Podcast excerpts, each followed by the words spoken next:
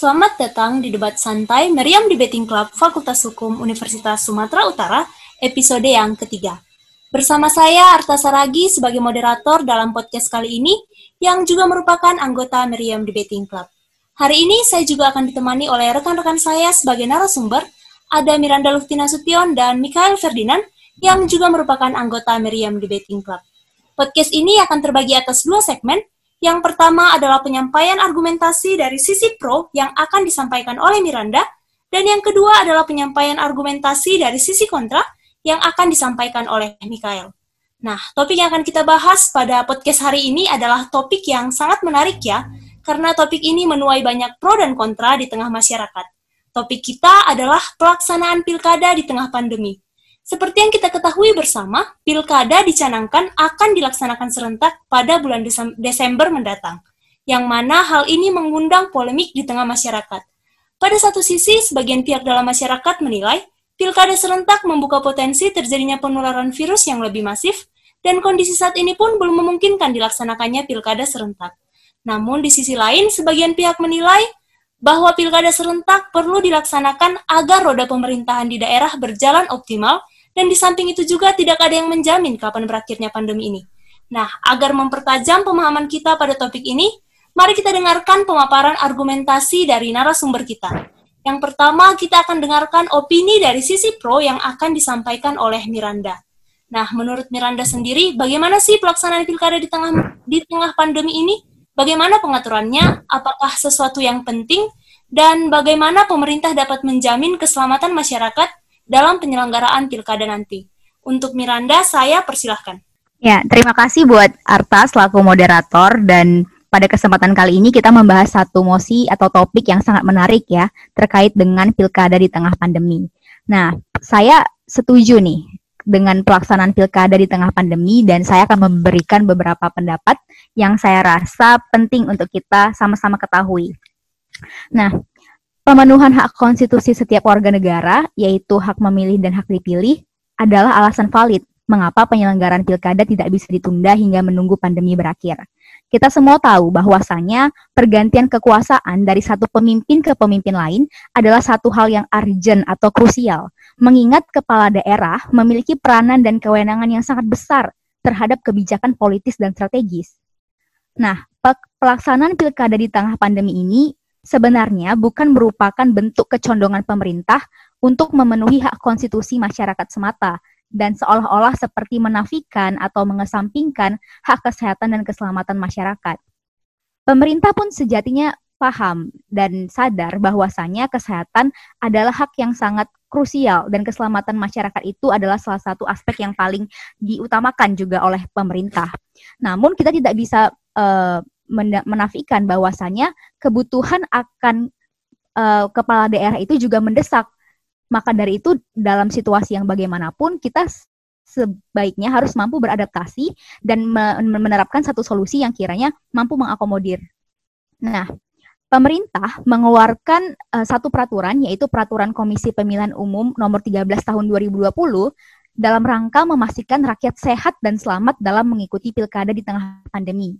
Nah, pilkada di tengah pandemi ini akan dilakukan sesuai dengan disiplin protokol kesehatan yang ketat, disertai dengan penegakan hukum dan sanksi yang tegas agar tidak terjadi klaster penularan virus corona yang baru selama pilkada.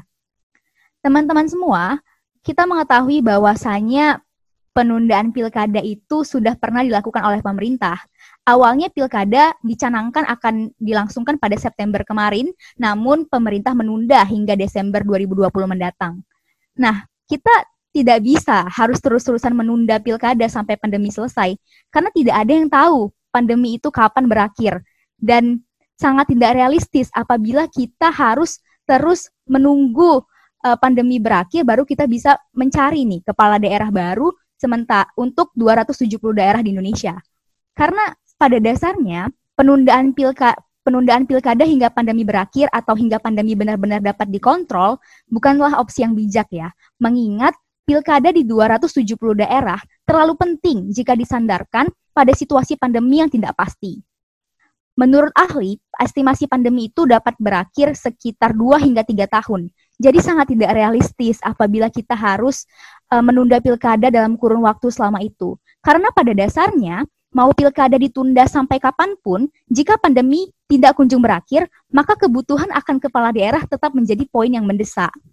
Nah, teman-teman semua, berdasarkan riset kualitatif yang dilakukan oleh Lembaga Survei Indonesia DNIJA, di mana mereka menggunakan kajian data sekunder dari gugus tugas nasional COVID-19, Worldmeter, dan WHO, ada beberapa alasan nih mengapa pilkada 2020 itu sebaiknya tidak ditunda. Yang pertama adalah tentang legitimasi. Jika pilkada ditunda, maka terdapat 270 daerah di Indonesia yang akan dipimpin oleh seorang pelaksana tugas atau PLT. Jika PLT bertugas dalam waktu yang tidak pasti dan dalam kurun jangka waktu yang lama, tentu sangat beresiko besar bagi kondisi strategis di daerah, yang pada akhirnya akan merugikan masyarakat sendiri. Mengingat seorang pelaksana tugas memiliki kewenangan yang sangat terbatas dibandingkan dengan kepala daerah. Nah, sebenarnya jika kita mau mengkaji yang menjadi poin pemberatan atau akar permasalahan yang uh, dikhawatirkan dari sisi kontra uh, uh, sehingga mereka meminta untuk menunda pilkada adalah terkait dengan faktor kesehatan dan faktor keselamatan masyarakat. Banyak pihak yang khawatir pilkada serentak akan membuat kerumunan baru yang pada akhirnya menjadi klaster penyebaran virus corona. Pihak-pihak tersebut juga mengaitkan kondisi demikian dengan kemungkinan rendahnya partisipasi publik atau dalam artian angka golput dapat meningkat pada 2020 pada Pilkada 2020 akibat kekhawatiran masyarakat terpap dengan terpaparnya virus corona. Nah, sebenarnya untuk menjawab keresahan-keresahan tersebut, pemerintah telah mengantisipasi dengan mengeluarkan peraturan yang menjadi payung hukum penyelenggaraan pilkada di tengah pandemi, yaitu peraturan KPU nomor 13 tahun 2020 tentang perubahan kedua atas peraturan Komisi Pemilihan Umum nomor 6 tahun 2020 tentang pelaksanaan pemilihan gubernur dan wakil gubernur, bupati dan wakil bupati, dan atau wali kota dan wakil wali kota serentak lanjutan dalam kondisi bencana non-alam coronavirus disease. Nah, teman-teman, penting bagi kita untuk mengkaji beberapa pasal krusial agar kita sama-sama tahu nih sebenarnya pemerintah mau melaksanakan pilkada serentak di tengah pandemi itu seperti apa sih? Dan saya berharap melalui penjelasan ini kekhawatiran kita akan terpapar virus corona saat mengikuti pilkada itu dapat berkurang sehingga tidak mendegradasi uh, esensi dari kontestasi pilkada itu sendiri. Yang pertama kita mengkaji dari pasal 58 peraturan PKPU yang menyatakan para kandidat dalam Pilkada serentak 2020 harus mengutamakan kegiatan kampanye di media sosial dan media daring. Nah, jika kampanye tidak dapat dilakukan melalui media sosial dan media daring, dibolehkan pertemuan tatap muka dengan jumlah peserta yang hadir paling banyak 50 orang. Dalam melaksanakan kampanye tatap muka, para calon wajib memfasilitasi protokol kesehatan seperti masker, hand sanitizer, eh, cek suhu tubuh, sanitasi untuk cuci tangan, face shield, dan menerapkan physical distancing atau jaga jarak uh, uh, sekitar 1,5 hingga 2 meter. Pasal yang kedua adalah pasal 88C PKPU yang telah dengan tegas melarang tim kampanye melaksanakan kegiatan yang biasanya mengumpulkan massa dalam jumlah besar. Seperti kita tahu ya teman-teman, bahwasannya banyak eh, calon-calon kepala daerah atau ya uh, yang uh, menggunakan kampanye dengan metode mengumpulkan massa dalam jumlah banyak seperti meng menggelar konser musik, kegiatan seni dan sebagainya. Nah, dalam pa pasal 88C PKPU ini itu dilarang secara tegas karena uh, tentu saja menimbulkan kerumunan yang pada akhirnya berdampak sebagai kluster penyebaran virus corona. Nah, pemerintah sudah memikirkan itu sebenarnya dan pemerintah sudah melarang itu dan dan tidak tidak diperbolehkan dan kandidat yang melanggar ketentuan tersebut akan mendapatkan sanksi dari KPU seperti peringatan tertulis, penghentian dan pembubaran kampanye, serta larangan melakukan metode kampanye yang dilanggar selama tiga hari. Nah, teman-teman semua, perlu kita pahami juga bahwasannya peraturan KPU ini sangat menyesuaikan ya dengan kondisi pandemi saat ini agar masyarakat itu tetap bisa menggunakan hak konstitusinya yaitu hak memilih tanpa harus mengabaikan hak, kesehatan atau keselamatannya. Namun demikian pun peraturan PKPU ini sejatinya tidak mereduksi hak-hak kandidat untuk melakukan kampanye. Misalkan ada kandidat yang merasa keberatan dengan kampanye virtual karena mungkin dianggap kurang efektif, kandidat-kandidat tersebut tetap dapat kok melakukan kampanye secara tatap muka di beberapa daerah. Misalkan di daerah tersebut uh, akses internet sulit atau mungkin angka uh, melek internet masih rendah. Nah, untuk daerah-daerah dengan situasi dan problem seperti itu, para kandidat tetap bisa kok melakukan kampanye tatap muka, tetapi dengan batasan 50 orang paling banyak uh, dalam uh, dalam kampanye tersebut sebagaimana yang dijelaskan dalam pasal 58 ayat 2 peraturan KPU nomor 13 tahun 2020. Atau mungkin para kandidat tetap bisa melakukan cara yang inovatif dan kreatif melalui mekanisme personal approachment dengan uh, door-to-door campaign, datang ke rumah-rumah warga untuk menyampaikan visi visi misi mereka dan uh, menjelaskan lah kenapa mereka uh, baik untuk dipilih begitu. Jadi sebenarnya uh, pilkada di tengah pandemi ini adalah salah satu hal yang urgent dan mendesak karena kita semua tahu bahwasanya kebutuhan akan kepala daerah itu sangat dibutuhkan ya apalagi ada di 270 daerah. Kita tidak bisa berpangku pada PLT karena PLT kebebasan dan uh, tupoksinya sangat-sangat terbatas. Jadi yang perlu kita perhatikan di sini adalah bagaimana kita bisa mengeksekusi dan merealisasikan poin-poin dan aturan yang telah dibuat oleh pemerintah dengan baik. Bagaimana kita memastikan penyelenggaraan pemilu itu benar-benar mengikuti standar protokol kesehatan yang ketat dan memberikan sanksi yang jelas agar rakyat tetap bisa menggunakan hak konstitusinya tanpa harus melanggar hak kesehatan dan keselamatannya agar pandem agar pilkada tetap bisa berjalan dengan lancar. Atas dasar poin-poin tersebut, saya mendukung um, sepenuhnya penyelenggaraan pilkada di tengah pandemi. Saya kembalikan ke moderator. Oke, terima kasih buat Miranda. E, menarik ya apa yang disampaikan oleh Miranda. Eh, kita bisa simpulkan bahwa penyelenggaraan pilkada di tengah pandemi ini memang penting dilaksanakan di samping memang tidak ada yang dapat menjamin kapan berakhirnya pandemi ini juga berkaitan erat dengan fungsi kepala daerah yang lebih strategis dibandingkan PLT. Dan dari pemaparan Miranda juga kita bisa simpulkan uh, pilkada bukan suatu ancaman ketika diberlangsungkan sesuai dengan protokol kesehatan yang ketat. Oke, nah selanjutnya kita mau dengarkan pemaparan argumentasi dari sisi yang berbeda Nah, untuk Mikael, saya persilahkan menyampaikan opininya. Iya, terima kasih moderator. Uh, saya langsung saja ya. Membuat kekeliruan adalah manusiawi, tapi tidak baik untuk terus mempertahankan kekeliruan. Salah satu tujuan negara Indonesia, sebagaimana diamanatkan Undang-Undang Dasar 1945, adalah melindungi segenap bangsa Indonesia dan seluruh tumpah darah Indonesia. Artinya apa? Artinya tidak ada lagi tawar-menawar akan ketentuan itu ya. Akan tetapi pelaksanaan pilkada di tengah pandemi ini tampaknya tidak mempan akan ketentuan ini. Suara dan argumentasi penolakan dari masyarakat tampaknya harus dikesampingkan karena pemerintah terus teguh mempertahankan kebijakan ini untuk dilaksanakan.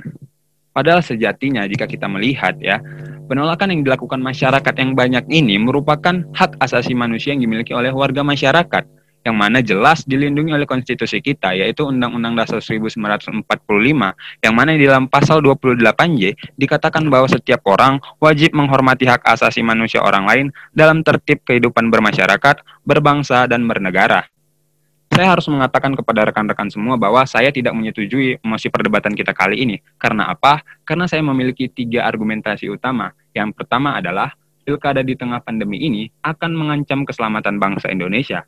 Yang kedua, hak politik merupakan hak yang sebenarnya dapat dikesampingkan pemenuhannya. Dan yang ketiga, pilkada di tengah pandemi dapat mendegradasikan kualitas demokrasi di Indonesia itu sendiri. Saya langsung saja melanjutkan kerangka argumentasi saya, bahwa saya ingin mengatakan bahwa pilkada di tengah pandemi ini akan melibatkan banyak kerumunan massa dan akan mengancam keselamatan masyarakat. Kita semua mengetahui kok, ya, bahwa penyebaran COVID-19 itu setiap waktunya meningkat Bahkan ketika ada kesempatan untuk turun pun, angka itu juga masih tergolong sangat banyak. Sehingga ini merupakan keadaan berbahaya bagi masyarakat Indonesia jika ini tetap dilaksanakan. Saya ingin mengatakan bahwa keselamatan masyarakat itu merupakan hukum yang tertinggi. Keselamatan masyarakat itu jauh lebih utama dibandingkan dengan penyelenggaraan pilkada di tengah pandemi ini, yang justru sebaliknya akan berpotensi menjadi bumerang sendiri bagi keselamatan masyarakat Indonesia. Kita mengetahui bahwa Indonesia itu secara de facto sedang dalam keadaan darurat karena pandemi COVID-19 ya. Sehingga itulah kita harus berperilaku dan menerapkan peraturan yang juga layaknya dalam keadaan darurat. Tetapi apa? Secara de jure kita tidak sedang dalam tidak membuat peraturan yang layaknya dalam keadaan darurat. Jadi apa sih sebenarnya? Apakah ada alternatif uh, untuk dilaksanakan oleh pemerintah kita sendiri? Ya, sebenarnya ada alternatif di dalam konvensi internasional atau hukum internasional itu. Ya, jika kita lihat di dalam pasal 4 International Covenant on Civil and Political Rights atau ICCPR, di sana dimuat adanya derogation power ya yang mengizinkan pemerintah untuk secara temporer menunda beberapa penerapan hak asasi warga negaranya dalam keadaan tertentu yang mengarah pada situasi darurat ya kita sendiri mengetahui dan kita sendiri juga belajar ya bahwa hak politik itu merupakan derogable rights ya yaitu hak yang dapat ditunda pemenuhannya oleh negara karena ada keadaan tertentu yang mengarah pada situasi darurat nah sehingga sebenarnya saya ingin mengatakan bahwa pemerintah Indonesia itu sebenarnya memiliki legitimasi untuk membatasi hak-hak warga negaranya dalam keadaan darurat ini. Apalagi sebenarnya jika kita lihat ya di dalam Kepres nomor 12 tahun 2020, di sana dinyatakan bahwa bencana non alam yang disebabkan coronavirus itu sudah ditetapkan sebagai bencana nasional. Bukankah sebenarnya ini dulu loh yang lebih penting? Maka ini dululah yang harus kita perbaiki terlebih dahulu. Saya ingin mengajak saudari Miranda dan rekan-rekan semua yang menyetujui uh, pilkada di tengah pandemi ini, kita harus melihat ketentuan di dalam uh, pasal 48 Undang-Undang Nomor 24 Tahun 2007 tentang penanggulangan bencana yang di sana dijelaskan bahwa penyelenggaraan penanggulangan bencana pada saat tanggap darurat uh, itu salah satunya adalah uh, melakukan pemenuhan kebut kebutuhan dasar dan perlindungan terhadap kelompok rentan. Nah, yang menjadi pertanyaan saya pertama dan saya pikir ini harus dijawab oleh saudari Miranda adalah bukankah ketika kita melaksanakan pilkada di tengah pandemi, ini justru akan memaksakan kelompok rentan yang dilindungi undang-undang ini untuk menggunakan haknya untuk melaksanakan pilkada dan justru itu mengancam kesehatan uh, dirinya sendiri yang mana dilindungi oleh undang-undang ini. Nah, saya pikir itu harus dijawab oleh saudari Miranda. Kemudian saya ingin mengatakan bahwa dasar negara Indonesia itu sejalan dengan teori negara kesejahteraan atau welfare state yaitu pemerintah harus menjamin terselenggaranya kesejahteraan rakyat. Ya, kita ini tidak berada dalam konsepsi negara sebagai penjaga malam saja. Ya, karena apa? Karena kesejahteraan itu sesuai dengan amanat konstitusi kita tadi, ya, yaitu melindungi segenap bangsa Indonesia. Terus saya ingin mengatakan bahwa pilkada di tengah pandemi ini memang akan mengancam uh, kualitas demokrasi di negara kita itu sendiri. Kenapa? Karena memang dari segi apa pun ya tidak ada yang bisa membuat kita optimis bahwa pengendalian COVID-19 ini bisa dilaksanakan secara baik dan tetap melaksanakan pilkada di tengah pandemi. Ya, argumentasi saya ini uh, didukung oleh pendapat uh, saya ambil dari pendapat Burhanuddin Mutandi yaitu seorang direktur eksekutif indikator politik ya. Beliau mengatakan bahwa ada tiga hal kemungkinan yang terjadi apabila pilkada di tengah pandemi ini tetap dilaksanakan Ya, yang pertama adalah kemungkinan minimnya partisipasi dari publik. Karena apa? Karena pandemi, kita tahu orang-orang jadi malas menggunakan haknya. Ya, kenapa? Apa dasarnya? Ya, temuan ini dilakukan oleh survei indikator pada bulan Juli kemarin, ya mengatakan setidaknya 63% warga masyarakat meminta penundaan pilkada di tengah pandemi. Perlu digarisbawahi adalah penundaan, bukan pembatalan. Eh, ini artinya apa? Dari data ini kita bisa melihat bahwa ini akan menjadi sumber golput. Nah, yang menjadi pertanyaan lagi kan, bukan golput itu sendiri merupakan musuh dari pemerintah dan musuh kita semua. Yang kedua apa? Ya, orang tuntutannya terhadap toleransi politik uang itu akan meningkat. Dan itu akan justru mendegradasikan kualitas pilkada kita. Kita mengetahui bahwa pendapatan masyarakat itu menurun, ekonomi masyarakat itu menurun karena pandemi COVID-19 ini. Sehingga masyarakat akan uh, memiliki dorongan kepada pasangan calon-pasangan calon yang memberikan suntikan dana, yang memberikan tekanan-tekanan ekonomi kepada calon pemilih, sehingga mereka lebih tertarik untuk memilih orang-orang yang memberikan tekanan ekonomi itu kepada mereka. Dan yang ketiga menurut beliau adalah pilkada di tengah pandemi ini akan menguntungkan petahana. Kenapa? Karena terlepas dari kinerjanya yang bahkan pas-pasan sekalipun itu bisa menang hanya kadar, hanya sekedar modal popularitas ya belum lagi bantuan sosial bantuan sosial yang disalurkan melalui petahana itu sendiri. Nah, saya ingin mengatakan kepada saudari Miranda dan rekan-rekan yang menyetujui pilkada di tengah pandemi bahwa pun ketika kita tidak melaksanakan pilkada di tengah pandemi ini, ini bukan berarti bahwa negara kita gagal dalam melaksanakan negara yang berprinsip pada negara demokrasi, bukan. Karena apa? Kita lihat contoh di negara lain. Contohnya pemerintah Hong Kong. Mereka itu membatalkan pilkada untuk satu tahun yang akan datang. Alasannya sederhana, karena mereka ingin menjamin keselamatan masyarakat mereka. Tidak ada kepentingan politik di sana. Contoh lagi, nah, negara Bolivia. Itu negara Bolivia dua kali membatalkan pilkada mereka. Karena apa? Karena ada penemuan kasus baru COVID-19 itu sendiri. Karena itulah, sebenarnya tidak ada uh, urgensi atau bahkan ini menjadi pelanggaran terhadap hak dasar warga negara masyarakat Indonesia itu sendiri. Karena memang sebelumnya saya telah katakan bahwa dari segi apa pun tidak ada hal yang membuat kita optimis pengendalian COVID-19 ini bisa dilaksanakan secara baik dan kita dapat melaksanakan pilkada di tengah pandemi. Karena itulah saya tetap uh, teguh pada pendirian saya menolak misi perdebatan kita kali ini. Saya kembalikan kepada moderator. Oke, terima kasih untuk Mikael. Kita udah dengarkan nih apa yang disampaikan oleh Mikael kita juga dapat simpulkan bahwa penting untuk pilkada ini di tengah pandemi ini ditunda karena memang kondisi saat ini masih darurat COVID-19. Dan yang terpenting itu adalah keselamatan dan kesejahteraan masyarakat. Di samping itu, ketika pilkada tetap diberlangsungkan dalam kondisi saat ini, berpotensi mendegradasi demokrasi di Indonesia. Menarik ya, uh, argumentasi yang disampaikan oleh dua narasumber kita, baik dari sisi pro maupun kontra. Selanjutnya nih saya mau tanya-tanya sama narasumber kita seputar topik yang kita bahas ini. Pertama saya mau tanya sama narasumber dari sisi pro. Um, menurut Miranda sendiri, strategi bagaimana sih yang paling memungkinkan yang dapat diberikan uh, oleh pemerintah untuk meningkatkan partisipasi publik dalam pilkada agar mencegah terjadinya degradasi demokrasi seperti yang disampaikan oleh uh, Mikael dari sisi kontra tadi. Dan terkait pertanyaan Mikael pada pemaparan argumentasi tadi, boleh juga langsung dijawab. Untuk Miranda, saya persilahkan. Ya, uh, menarik ya kalau kita bahas soal partisipasi publik atau angka golput uh, di masa uh, pandemi saat ini, karena itu memang jadi salah satu poin pemberatan dari sisi kontra. Nah, uh, kalau moderator bertanya soal tentang strategi bagaimana nih cara kita meningkatkan partisipasi publik dalam pilkada. Sebenarnya uh, yang jadi poin utama bagi kita untuk bisa meningkatkan partisipasi publik atau pemilih dalam pilkada adalah meningkatkan kepercayaan masyarakat terhadap penyelenggara pilkada dalam hal ini KPU ya bahwa pilkada dapat berlangsung dengan aman dan sehat karena yang menjadi kekhawatiran utama oleh masyarakat adalah um, potensi penularan uh, eh, COVID-19 karena uh, pilkada atau pelaksanaan pilkada dapat menjadi klaster baru begitu. Nah, maka dari itu penting bagi KPU untuk bisa meningkatkan kepercayaan masyarakat bahwasanya KPU selaku penyelenggara pilkada kali ini memang benar-benar strict, memang benar-benar ketat dalam hal protokol kesehatan agar masyarakat percaya begitu. Jadi itu sih yang poin pertama kalau ditanya soal strategi. Nah, yang kedua, um, bagaimana caranya untuk bisa meningkatkan kepercayaan masyarakat itu? Nah, penting bagi pemerintah dan KPU untuk melakukan sosialisasi masif dari penyelenggaraan pilkada ini.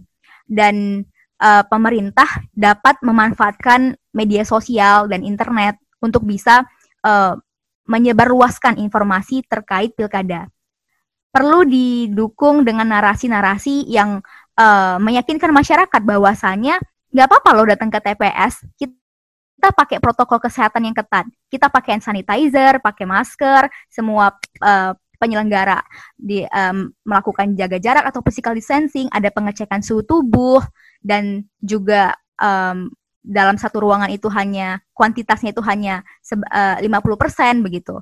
Jadi narasi-narasi seperti ini yang harus digaungkan oleh pemerintah agar masyarakat itu paham bahwasannya pemerintah itu memang benar-benar serius melaksanakan dan menerapkan uh, protokol kesehatan selama pilkada ini sebagaimana yang dijelaskan dan diatur di undang-undang uh, di peraturan KPU nomor 13 tahun 2020 tadi. Nah, kenapa saya menyarankan dari sis dari uh, melalui mekanisme online? Karena kita tahu ya, selama masa pandemi ini kegiatan kita semua terbatas. Semua orang uh, berkegiatan itu secara daring dan uh, pengguna internet itu sangat meningkat di masa-masa pandemi ini dan semua orang meluangkan waktunya menggunakan sosial media dan sebagainya. Ya pemerintah harus bisa memanfaatkan situasi dan momen demikian untuk menyebarluaskan informasi ini. Jadi kita harus mensosialisasikan dulu ke masyarakat, masyarakat tahu dan akhirnya mereka uh, tidak takut lagi, tidak khawatir lagi dengan kondisi uh, pilkada nanti begitu. Nah, um, saya ingin kasih contoh ya satu negara yang sukses menyelenggarakan pemilu saat pandemi ini yaitu Korea Selatan. Menarik sekali Korea Selatan karena angka partisipasi pemilih di Korea Selatan itu justru yang tertinggi terjadi pada saat pemilu justru yang ter tertinggi terjadi pada saat pandemi maksud saya, yaitu sekitar 66,2 persen. Angka ini meningkat 8,1 persen dari pemilu tahun lalu. Dan ini menjadi angka partisipasi publik tertinggi sejak tahun 1992 di Korea Selatan. Nah, yang menjadi kunci kesuksesan dan tingginya angka partisipasi publik uh, di pemilu Korea Selatan tahun 2020 ini adalah karena tingginya kepercayaan publik terhadap pemerintah Korea selaku penyelenggara pemilu. Begitu. Nah, jadi Korea Selatan ini sebenarnya bisa dijadikan contoh oleh Indonesia untuk menyelenggarakan pemilu yang berkualitas dan tentunya aman dari penyebaran dan klaster baru virus corona. Ketika masyarakat ketika masyarakat tidak khawatir, ketika masyarakat percaya dengan pemerintah bahwa pemerintah akan uh, menerapkan protokol kesehatan dengan ketat, saya rasa uh, angka partisipasi pemilih atau partisipasi publik dalam pemilu kada 2020 ini dapat meningkat. Begitu. Itu untuk strategi. Nah, saya ingin menanggapi pertanyaan Mike terkait kondisi lansia. Kita semua tahu bahwasannya lansia adalah salah satu stakeholder atau orang yang paling rentan untuk terpapar virus corona. Tetapi di sisi lain lansia masih memiliki hak konstitusi. Mereka masih dapat memilih kan. Mereka masih dapat menggunakan hak suaranya. Nah, menarik pertanyaan Mike dan saya ingin menanggapi uh, bagaimana caranya. Nah, sebenarnya ini itu sudah menjadi uh, perbincangan dan diskusi oleh uh, banyak ahli. Dan banyak ahli yang menyarankan pemerintah untuk membuat mekanisme TPS mobile atau memilih secara online. Sehingga um, nantinya para lansia tersebut tidak harus datang ke TPS untuk memilih. Mereka bisa menggunakan Android, bisa menggunakan uh, akses internet untuk bisa uh, menggunakan hak suaranya. Atau mungkin opsi yang lain, para pakar menyarankan uh, eh, KPU selaku penyelenggara pemilu untuk membentuk beberapa kelompok TPS. Jadi antar TPS dipisah dipisah-pisah gitu antar TPS, tidak di satu TPS itu tidak berbaur semuanya begitu. Dipisah-pisah ada TPS khusus untuk orang dengan kontak erat dengan pasien COVID, TPS khusus suspek, TPS khusus probable, TPS khusus lansia, TPS khusus pasien uh, positif COVID-19. Jadi dipisah-pisah gitu. Nah, sebenarnya hal teknis seperti ini sud, uh, tentu saja menjadi pertimbangan pemerintah dan saya rasa pemerintah juga sedang menyiapkan mekanisme dan kebijakan terkait fasilitas tersebut agar para lansia tetap bisa menggunakan hak suaranya tanpa berpotensi besar untuk terpapar virus corona. Jadi begitu moderator tanggapan saya. Saya kembalikan ke moderator. Oke, terima kasih untuk Miranda. Kita sudah dengar nih jawaban yang menarik dari Miranda. Uh, langsung saja ya kita dengarkan tanggapan dari Mikael atas apa yang disampaikan oleh Miranda. Apakah sesuatu yang memungkinkan begitu? Untuk Mikael, saya persilahkan. Ya, terima kasih moderator. Saya ingin menanggapi apa yang dijawab oleh saudari Miranda ya. Jadi saudari Miranda mengatakan bahwa sebenarnya tingkat partisipasi publik ini dapat ditingkatkan dengan cara uh, pemerintah itu melakukan sosialisasi masif ya dengan meningkatkan kepercayaan kepada masyarakat itu sendiri. Nah, yang menjadi pertanyaan saya adalah apakah ini benar-benar efektif? Sosialisasi masif yang dikatakan saudari Miranda tadi katanya uh, dengan melakukan uh, meyakinkan masyarakat bahwa akan ada jaga jarak, akan ada hand sanitizer. Yang per menjadi pertanyaan adalah kan masyarakat ketika untuk menuju TPS pun akan, akan melakukan interaksi kan. Nah, yang menjadi tanggapan selanjutnya kan apakah ini bisa dilaksanakan dengan baik ya. Saya berikan contoh adalah ketika kita melaksanakan uh, kampanye misalnya kan pilkada di tengah pandemi ini juga akan melahirkan kampanye di tengah pandemi yang mana sebenarnya pun telah banyak regulasi yang diberikan oleh pemerintah contohnya adalah dengan memberikan apa namanya membatasi kampanye misalnya 50 orang. Tapi faktanya apa? 100 orang justru ada dalam kampanye pasangan calon. Nah, justru ketika ini dilaksanakan pun uh, ini akan melahirkan klaster baru. Kenapa? Karena pasangan calon cenderung lebih mentoleransi tindakan-tindakan pelanggaran protokol kesehatan. Karena apa? Karena mereka itu dianggap uh, takut, dianggap menjaga jarak, takut dianggap sombong, sehingga mereka mentoleransi eh, hal-hal yang dianggap hal yang sebenarnya berkomitmen untuk kesehatan nyawa itu sendiri. Nah, itu saya pikir uh, tidak akan menjawab ya. Yang kedua, di Korea Selatan tadi saudari Miranda katakan, jangan kita samakan penduduk di Korea Selatan dengan penduduk yang ada di Indonesia. Karena kita harus uh, jujur ya, kita harus jujur mengatakan bahwa tingkat kesadaran uh, masyarakat Indonesia itu sebenarnya masih minim. Karena apa? Karena data sudah kita sampaikan bahwa tingkat uh, di, uh, tingkat penularan COVID-19 itu selalu menur uh, selalu naik maksud saya selalu uh, menunjukkan angka-angka yang selalu masif tetapi apa bukannya ada kan uh, tidak ada kan apa namanya uh, kesadaran yang membuat masyarakat Indonesia itu justru patuh tetapi kita lihat mereka pergi ke mall mereka pergi ke apa namanya ke bersosialisasi kepada sekitar nah apakah ini menjamin kan tidak juga Nah, justru karena itulah karena tingkat kesadaran masyarakat kita masih minim, pilkada di tengah pandemi ini tidak boleh kita laksanakan. Karena apa? Karena sebaik apa pun regulasi itu, tetap kesadaran masyarakat itu harus kita pupuk terlebih dahulu. Terus saya ingin meluruskan bahwa tidak uh, saya dari sisi kontra tidak mengatakan bahwa kita melaksanakan pilkada itu di tengah uh, sampai menunggu pandemi ini berakhir. Bukan, bukan seperti itu.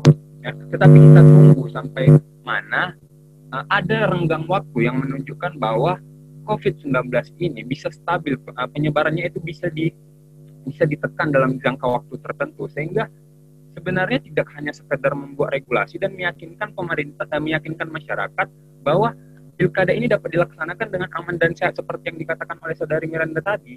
Seperti itu, moderator saya kembalikan. Oke, terima kasih untuk tanggapan Mikael menarik ya.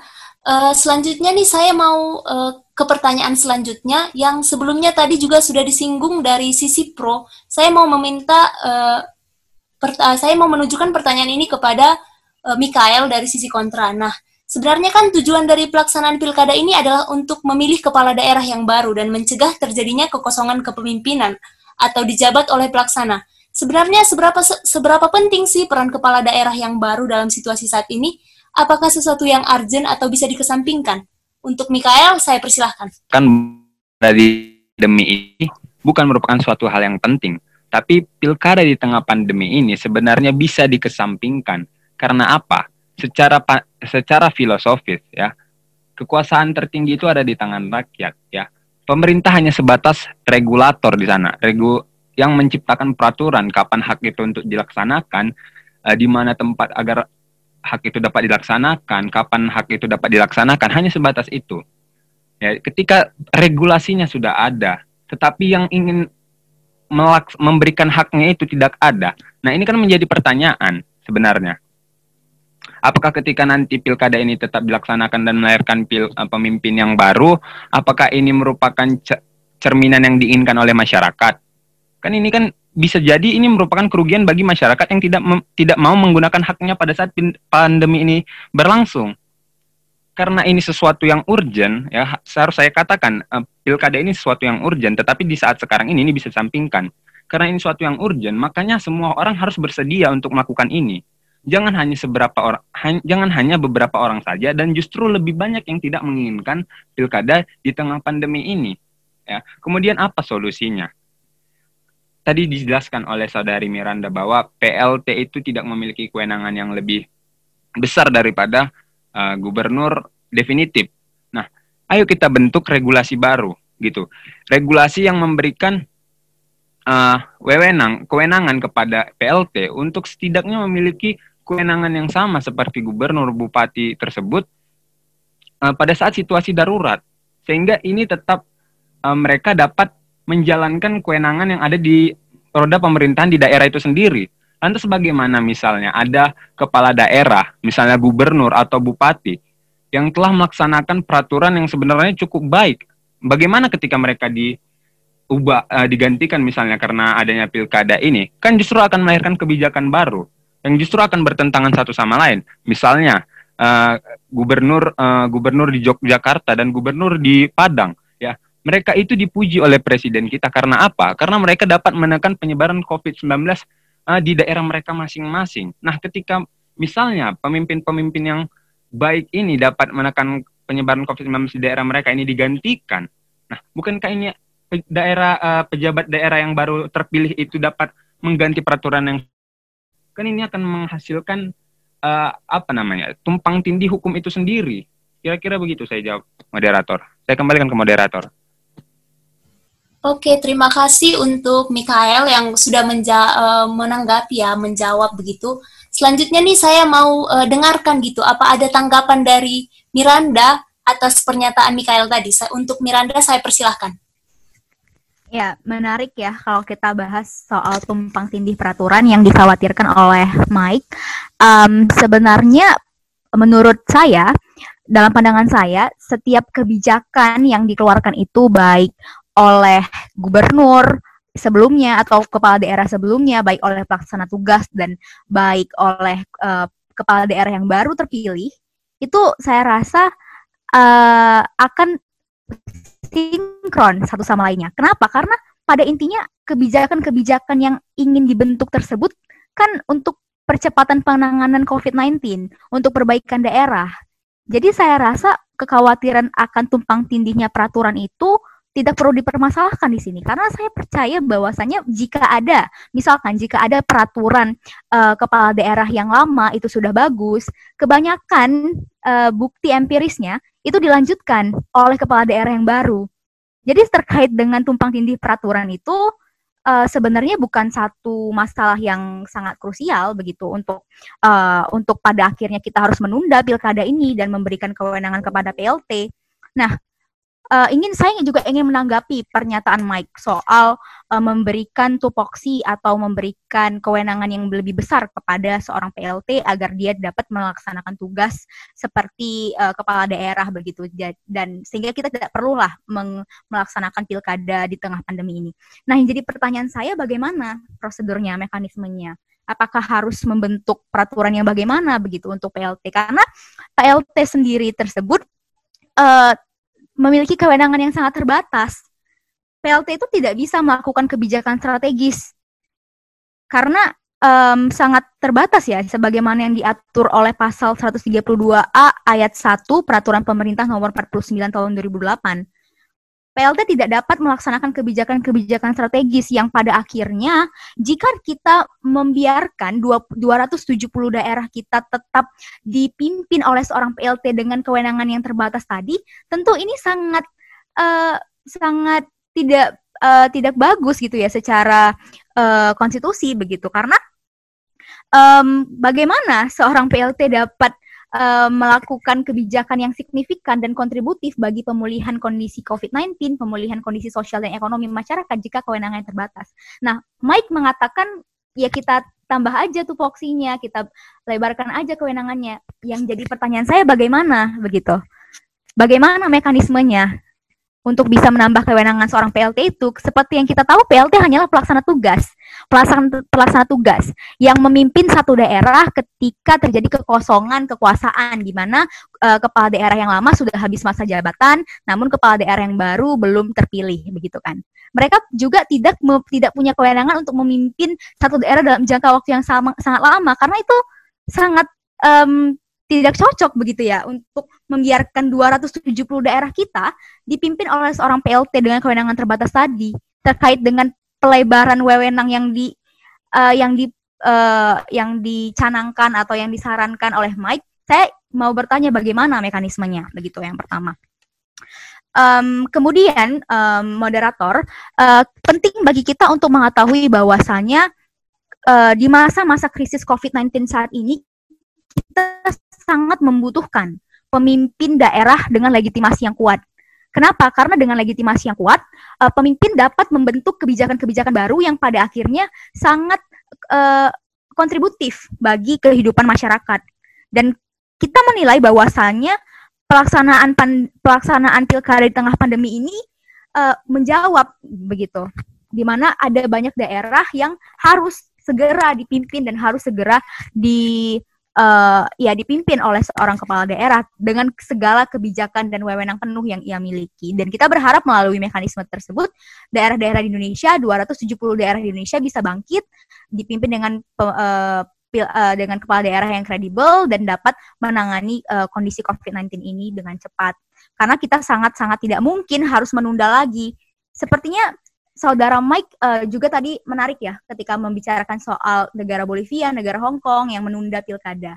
Nah, Mike harus paham juga nih, sebenarnya pemerintah kita juga sudah menunda pilkada kok, sudah ditunda satu kali. Sama dengan negara-negara Hong Kong dan Bolivia itu, di mana mereka juga melakukan penundaan. Nah, tapi kita kita sebagai negara harus punya prinsip begitu loh. Uh, apa yang menjadi poin yang paling urgent, poin yang paling mendesak di mana kepala daerah kebutuhan akan kepala daerah bagi 270 daerah angka yang sangat besar itu sangat-sangat dibutuhkan sehingga inilah mengapa saya mengatakan di awal tadi bahwasannya pelaksanaan pilkada di tengah pandemi ini dengan situasi yang seperti ini dengan mekanisme protokol kesehatan yang ketat itu sangat valid untuk diselenggarakan. Saya kembalikan ke moderator. Oke, terima kasih untuk tanggapan Miranda ya. Eh, nggak uh, terasa ya kita sudah sampai di penghujung podcast ini, tapi sebelumnya uh, kita dengarkan dulu tanggapan dari Mikael untuk apa yang disampaikan oleh Miranda dan bisa Mikael bisa langsung saja masuk kepada closing statement. Untuk Mikael saya persilahkan. Ya, terima kasih moderator. Jadi begini Miranda, saudari Miranda, saya tidak mengatakan bahwa PLT itu diberikan kewenangan yang lebih besar daripada gubernur atau bupati. Tapi saya ingin mengatakan bahwa PLT itu karena uh, kita buat regulasi baru yang uh, memberikan kewenangan PLT dapat memiliki kewenangan yang sederajat dengan uh, pejabat definitif ya. Karena kan kita tahu bahwa PLT ini hanya menjalankan mandat sehingga memang terbatas oleh ketentuan-ketentuan yang ada. Ya artinya karena keadaan memaksa itu ada, jadi sehingga uh, eh, PLT ini dapat melaksanakan tugasnya itu tidak dihalang-halangi. Eh, maksudnya maksud saya tidak mendapatkan apa namanya? Tidak mendapatkan uh, halangan gitu. Nah, yang kemudian uh, tadi saudari Miranda katakan bahwa pemerintah Indonesia juga menunda pilkada kok. Nah, yang menjadi permasalahan ya Indonesia itu negara kita ini tidak menunjukkan adanya tren menurun atas kasus COVID-19 ya. Sedangkan tadi saya berikan contoh, pemerintah Hong Kong itu kan menunda untuk satu tahun yang akan datang. Sedangkan negara Bolivia membatalkan itu untuk dua kali, yang bahkan untuk ketiga kali ini pun belum uh, belum diberikan kapan akan dilaksanakan pilkada di Bolivia. Nah sekarang Indonesia yang bahkan memiliki yang pemerintahnya bertanggung jawab kepada 260 juta rakyat ini dari segi apa pun tidak ada yang bisa meyakinkan kita bahwa pilkada ini akan dapat berlaksana terlaksana dengan baik di tengah pandemi ya. Kenapa kita tiba-tiba? Indonesia ini super nekat ini namanya. Kemudian saya ingin mengatakan bahwa apakah bisa di pandemi ini, pilkada di tengah pandemi ini akan melahirkan pemimpin yang berintegritas? Saya rasa itu cukup menimbulkan keraguan. Karena apa? Misalnya kita lihat saja ya banyak kok pasangan calon-pasangan calon yang mentoleransi adanya pelanggaran-pelanggaran protokol kesehatan ya. Artinya apa kita kan mengetahui bagaimana arah kepemimpinan mereka ke depan. Jika sekarang saja kita sudah melihat mereka cenderung toleransi terhadap pelanggaran, bagaimana nanti arah kepemimpinan mereka di masa yang akan datang? Kira-kira itu juga harus diperhatikan oleh saudari Miranda, agar kita ke kemudian tidak hanya sekedar melaksanakan prinsip negara demokrasi, menjalankan hak ini. Memang hak politik merupakan hak yang dijamin undang-undang kita, Undang-Undang 39 tahun 1999, bahwa hak politik merupakan hak asasi manusia. Tetapi ada hak yang lebih mendasar, yaitu apa? Ya hak untuk hidup. Yang paling tidak adalah hak untuk menerima kesehatan yang baik. Nah, sehingga itulah seharusnya yang harus kita perhatikan. Nah, saya ingin mengatakan ya untuk menutup bahwa saya tidak mengatakan bahwa pilkada di tengah pandemi ini kita tunda sampai uh, katakan saja uh, pandemi ini berakhir. Atau katakan saja ketika kita sudah menemukan vaksinnya. Tidak, tetapi sampai kapan? Ya kita tunggu kita tunda uh, pilkada di tengah pandemi ini sampai kasus penyebaran COVID-19 Indonesia itu menunjukkan tren yang stabil, tidak adanya penambahan kasus lagi dalam renggang waktu tertentu. Misalnya saja dalam uh, satu minggu tidak menunjukkan adanya penyebaran uh, di bawah angka 100 kasus. Misalnya seperti itu kan bisa saja kita buat uh, regu, uh, buat nanti peraturan selanjutnya. Itu sebenarnya yang harus kita pikirkan jangan kita kemudian super nekat melakukan uh, pilkada di tengah pandemi yang sebenarnya regulasi yang baik itu tidak dapat dilaksanakan di, uh, di negara kita ini. Karena apa? Karena memang minim akan tingkat kepatuhan kita itu sendiri. Ya. Karena itulah moderator dan rekan-rekan semua, saya menyatakan uh, sikap bahwa saya tetap tidak tetap tidak menyetujui adanya pilkada di tengah pandemi itu sendiri. Saya kembalikan kepada moderator. Oke, terima kasih untuk Mikael. Langsung saja kita dengarkan tanggapan dan closing statement dari Miranda. Untuk Miranda, saya persilahkan. Terima kasih untuk moderator atas uh, wak uh, atas waktu yang diberikan kepada saya untuk menyampaikan closing statement. Nah, uh, kita semua harus uh, mengetahui bahwasanya kebutuhan akan kepala daerah itu adalah poin yang mendesak yang tidak dapat lagi bisa ditunda. Dan kita hidup di zaman di mana kondisi serba tidak pasti. Segala sesuatu ber, berubah setiap waktu dan dunia semakin dinamis. Dan penting bagi kita dan pemerintah kita untuk dapat cepat beradaptasi mengatas dalam uh, men, me, menghadapi situasi-situasi seperti yang kita hadapi saat ini. Nah, um, untuk itu uh, kita harus bisa mampu uh, menunjukkan bahwasanya sebagai warga negara yang baik pun kita mengikuti peraturan dari pemerintah. Karena pada dasarnya pemerintah telah mengakomodir fasilitas selama mengakomodir peraturan yang saya rasa mumpuni untuk bisa menyelenggarakan pilkada serentak uh, di tengah pandemi ini. Sekarang pilkada ini tidak bisa hanya disukseskan oleh pemerintah sepihak, melainkan juga harus mendapatkan partisipasi kita sebagai warga negara yang baik. Nah, sebagai warga negara yang baik, saya sangat merekomendasikan buat teman-teman pendengar podcast MDC kali ini untuk marilah kita sama-sama mematuhi protokol kesehatan. Marilah kita sama-sama tetap menjaga hak kesehatan dan keselamatan kita, hak hidup kita sebagaimana yang sebagaimana yang paling penting dan yang paling tinggi seperti yang dibilang Mike tadi. Tapi kita tidak bisa menafikan hak konstitusi kita untuk tetap uh, menggunakan hak suara kita saat uh, Pilkada 9 Desember 2020 mendatang. Nah, untuk itu saya rasa uh, penyelenggaraan pilkada di tengah pandemi adalah salah satu hal yang urgent, krusial, karena kebutuhan akan kepala daerah itu sangat besar, kita tidak bisa bertumpu dan berpangku pada PLT yang memiliki uh, kewenangan dan tupoksi yang sangat terbatas. Uh, atas dasar alasan tersebut, saya menyatakan tetap menyetujui topik perdebatan pada hari ini. Terima kasih. Oke, terima kasih. Kita udah dengarkan closing statement dari Mikael dan Miranda. Banyak argumentasi-argumentasi yang menarik, baik dari sisi pro maupun kontra, yang kita udah dengarkan sepanjang podcast ini. Penting kita tetap melihat dari dua sisi yang berbeda, agar kita memiliki pemahaman yang utuh terhadap topik yang kita bahas ini, yang sangat berkaitan erat terhadap keselamatan masyarakat kita dan keberlangsungan demokrasi di negara kita.